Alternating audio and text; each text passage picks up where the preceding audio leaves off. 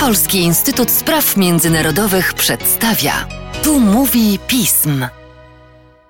Przy mikrofonie Mateusz Józwiak i z radością pragnę Państwa powitać w podcaście specjalnym Polskiego Instytutu Spraw Międzynarodowych. Słyszymy się w związku z Dniem Służby Zagranicznej, świętem dyplomacji uchwalonym na pamiątkę wydarzeń sprzed 103 lat, kiedy to marszałek Józef Piłsudski wysłał depeszę do szefów mocarstw notyfikującą powstanie państwa polskiego. I to tyle ze wstawki historycznej, ponieważ pora przedstawić Państwu naszego gościa, historyka, byłego sekretarza Polskiego Przeglądu Dyplomatycznego, ale przede wszystkim osobę, która jest znana wśród naszych słuchaczy z funkcji redaktora serii podcastów Polskiego Instytutu Spraw Międzynarodowych. Obecnie jest to rzecznik prasowy Ministerstwa Spraw Zagranicznych, dr Łukasz Jasina. Spotykamy się, aby powiedzieć kilka słów o dyplomacji, think tankach i codzienności w MSZ i o tym, jak wygląda praca rzecznika. Dzień dobry panu, a już prywatnie pozwolę sobie powiedzieć, cześć Łukaszu, Cześć Mateuszu. Staramy się oczywiście tutaj zachować, proszę Państwa, pełen profesjonalizm, ale to się nie da, bo Mateusz montował te podcasty, które ja realizowałem, więc to przejście nastąpiło całkiem niedawno i nie będziemy, proszę Państwa, nagle udawali, że jesteśmy na PR dyrektorze czy panie koordynatorze, bo byłoby to trochę śmieszne, a jest to też bardzo ważna rzecz w dyplomacji. Nie da się ukryć. W dyplomacji, owszem, bardzo ważną rzeczą są formy różnego rodzaju, ale trzeba pamiętać o tym, że te formy nie zawsze powinny być używane w kontaktach prywatnych i że bardzo ważnym elementem działalności dyplomatycznej jest choćby to, że ktoś z kimś jest na ty. No, tu urok protokołu dyplomatycznego i zwykłej kurtuazji. Tak jest, ale bądźmy szczerzy, polski minister spraw zagranicznych, który jest na ty, z francuskim minister spraw zagranicznych mówi do niego jednak prywatnie podczas rozmów na ty, jednocześnie w oficjalnych kontaktach, używając formuły panie ministrze. Ja dziękuję bardzo dyrektorowi Dębskiemu i Polskiemu Instytutowi Spraw Międzynarodowych za to, że zgodzili się ten podcast nagrać, abyśmy mogli trochę z Państwem porozmawiać o Dniu Służby Zagranicznej. Mamy teraz czas niełatwy. Ministerstwo Spraw Zagranicznych, wbrew temu, co niektórzy myślą,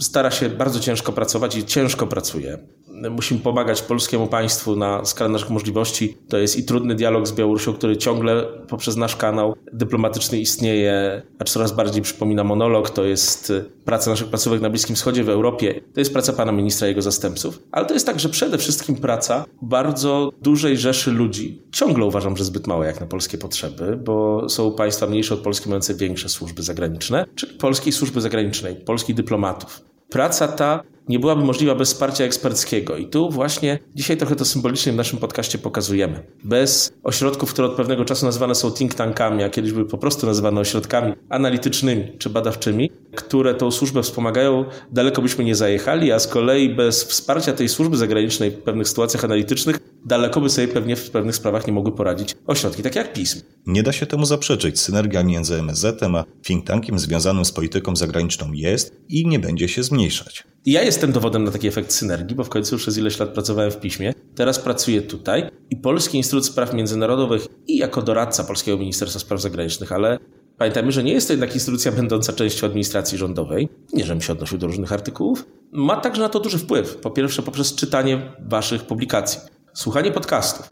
Pamiętam, kiedy jeszcze byłeś tylko moim pomocnikiem, natrafiałem to właśnie tutaj w MSZ natrafiałem na rzeszę wiernych czytelników, którzy przymykali oko na wszelkiego rodzaju problemy montażowe, na to, że mówiłem za szybko, ktoś mówił za szybko, że coś źle zmontowaliśmy, a to były jeszcze czasy zdalnego też nagrywania, więc jakość różnego rodzaju połączeń skype'owych czy zoomowych nie była idealna. To prawda, nie było łatwo. To były czasy pierwszej fali pandemii i przecierania szlaków w celu uatrakcyjnienia form przekazu i naszego działania. Ale z drugiej strony merytoryka się liczyła. No i mamy też dużą ilość przejść. Z pismu przychodzą do MSZ-u ludzie, którzy potem zostają polskimi dyplomatami. Ale to naturalne, że eksperci się rozwijają i obierają różne ścieżki kariery. I na odwrót. Zdarzali się ludzie, którzy po udanej karierze w Ministerstwie Spraw Zagranicznych trafiali do Polskiego Instytutu Spraw Międzynarodowych. Wydaje mi się, że ta rotacja to skutek wymiany doświadczeń. Część ekspertów widzi się w roli przyszłych dyplomatów i skutecznie realizuje później swoją misję. Byli dyplomaci natomiast stanowią ważny fundament dla naszej codziennej pracy w Instytucie.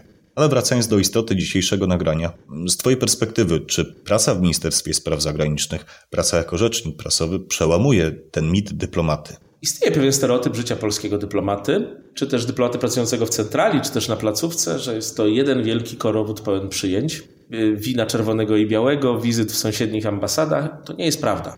To jest ciężka praca na rzecz kraju, nie zawsze dobrze opłacana. Nie bez powodu mówi się o służbie, a nie zwykłej pracy. To odróżnia dyplomatę od zwykłego pracownika. Trochę tak.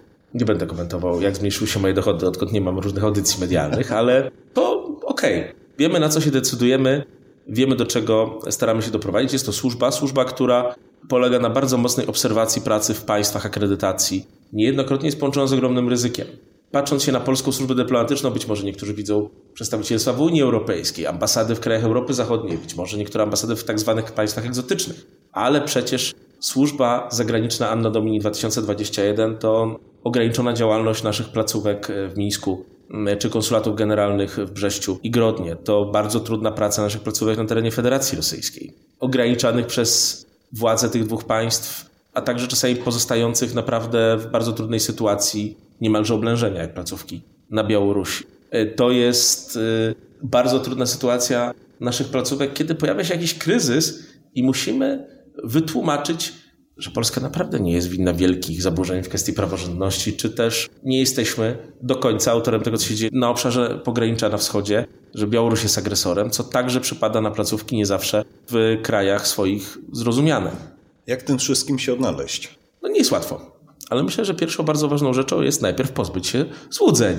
Trzeba wiedzieć, że ta służba to nie jest praca łatwa. Jeżeli ktoś wie, że to nie jest praca łatwa, praca wymagająca wyrzeczeń, czasami wyrzeczeń odbijających się na rodzinach i na nas samych. Choć nie każdy, tak jak rzecznik, musi długo siedzieć w pracy.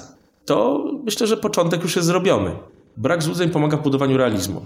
Ale jest to też służba niezwykle ciekawa, bo służenie swojemu państwu na zewnątrz to jest z jednej strony naprawdę robienie czegoś bardzo dobrego, a z drugiej strony także odkrywanie, jaka Polska jest naprawdę, jak ją światu sprzedać, jak ją światu zaprezentować, jaka jest rzeczywistość na zewnątrz. Bardzo istotnym elementem jest codzienna, nieustanna walka o dobry wizerunek Polski i nas, jako Polaków. I to też nie zawsze jest łatwe, bo budowanie pozytywnego wizerunku musi się jednak opierać na prawdzie. Trochę tutaj odwołam się do swojej własnej pracy rzecznika. Rzecznik nie zawsze mówi wszystko. Rzecznik bardzo rzadko wręcz mówi wszystko i zazwyczaj mówi to, co powiedzieć chce. Stąd nie zawsze rozumiem dziennikarzy, którzy twierdzą, że nie udzieli im wszystkich odpowiedzi, które, na których im zależało. No cóż, przecież nie powinien udzielać tylko tych odpowiedzi, na których zależy jemu i zależy jego resortowi, czy też instytucji. Ale z drugiej strony opieramy się jednak na prawdzie. Kłamstwem i manipulacją od rzecznik daleko nie zajedzie.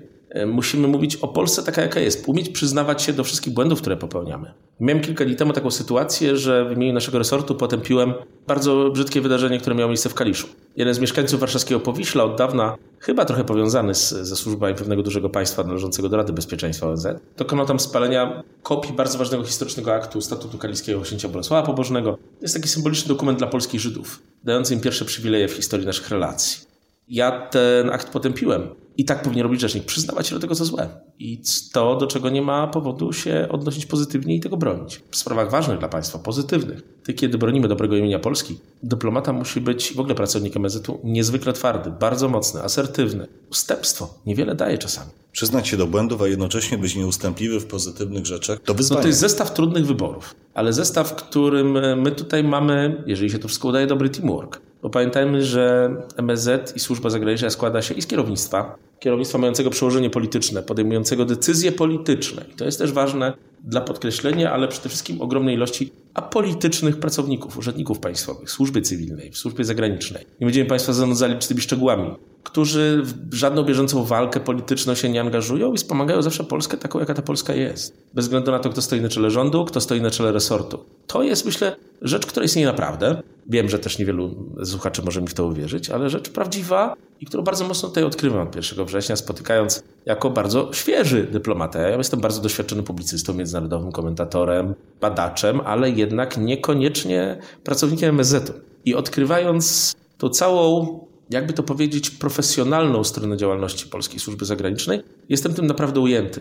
Bardzo często muszę wiedzieć szybko, co się zdarzyło w danym państwie, w danym kraju. Gdy aresztuje się jakiegoś polskiego obywatela bez względu na to, jakie to jest państwo, żadne aluzje. Gdy zdarza się jakiś kolejny kryzys. Ci pracownicy mnie bardzo wspomagają i widać, że wszyscy pracujemy na jeden sukces, jakim jest to, żeby jednak świat wiedział, że mamy działający i sprawny resort spraw zagranicznych i jego pracowników. Teraz część druga właściwie, której troszeczkę zapomniałem, ale która wyszła mi z tej pierwszej. I dlatego bardzo mocno namawiam wszystkich słuchaczy, którzy interesują się polityką międzynarodową i w ogóle taką działalnością, a tacy są na pewno słuchacze podcastów Polskiego Instytutu Spraw Międzynarodowych, do tego, żeby swoich sił spróbowali. Warto oczywiście mierzyć siły na zamiar, czy też zamiary na siły. Nigdy jako Polak nie powiem, która z tych wersji jest prawidłowa. Ale jedni z nas mają na przykład kwalifikacje do pracy analitycznej, taka jak w piśmie. Czegoś bardzo niewidowiskowego, ale bardzo potrzebnego do siedzenia, pisania, myślenia. Tutaj też to się czasem znajdzie, ale nie można sobie pozwolić na długie siedzenie, pisanie, myślenie. Czasem takie rzeczy, które powstają w Polskim Instytucie Spraw Międzynarodowych trzeba zrobić w ciągu godziny, dlatego nie zawsze mamy na to czas, możliwości i jak wspomniałem na początku, czasem potrzebujemy jednak bardzo mocno Waszej pomocy. Tworzy się syntetyczną całość. Nie można kształtować przekazu z sumy losowych obrazów. I produkt jeszcze do tego różnych procedur, które mniej lub lepiej lub gorzej działają, ale tworzą jednak najlepszy tekst z możliwych. A my tutaj potrzebujemy tego i jednak jakby nie patrzeć, też staramy się coś zrobić. Więc w Dniu Służby Zagranicznej, chociaż sam dzień to 16 listopada, ale obchody nasze się tutaj troszeczkę rozwijają przez kilka dni. I w stopniu takim delikatnym, bo jednak bądź co bądź mamy w tym momencie inne kwestie na głowie. Chciałbym zachęcić Państwa do braku lęku czy też strachu przed y, wsparciem polityki zagranicznej państwa polskiego bez względu na to, co się dzieje. Po odpowiednim odnalezieniu przez tych z Państwa, którzy mają odpowiednie talenty, zrozumienia w sobie, czy chcecie być dyplomatami, czy chcecie być analitykami, możecie działać na bardzo wielu frontach. Każdy z tych frontów jest bardzo dla Polski ważny. Choć myślę oczywiście, że praca w MSZ jest takim frontem najważniejszym, najciekawszym i w pewnym sensie ukoronowaniem wszystkich innych dzieł. Dziękuję bardzo pismowi. A ja dziękuję Ci, Łukaszu, za rozmowę i to podsumowanie. Szanowni słuchacze, pamiętajmy, że bez względu na różne podejście do priorytetów i wyzwań, mamy jeden cel rozwój, dobry wizerunek i bezpieczeństwo państwa. A za codzienną służbę i troskę o to wypada dzisiaj podziękować wszystkim dyplomatom, konsulatom i pracownikom Ministerstwa Spraw Zagranicznych. Tobie zaś, Łukaszu, jeszcze raz dziękuję za zrealizowanie dzisiejszego podcastu. Państwa zaś zachęcam do śledzenia naszej strony internetowej, czytania najnowszych biuletynów i komentarzy, słuchania kolejnych podcastów i cóż, do usłyszenia.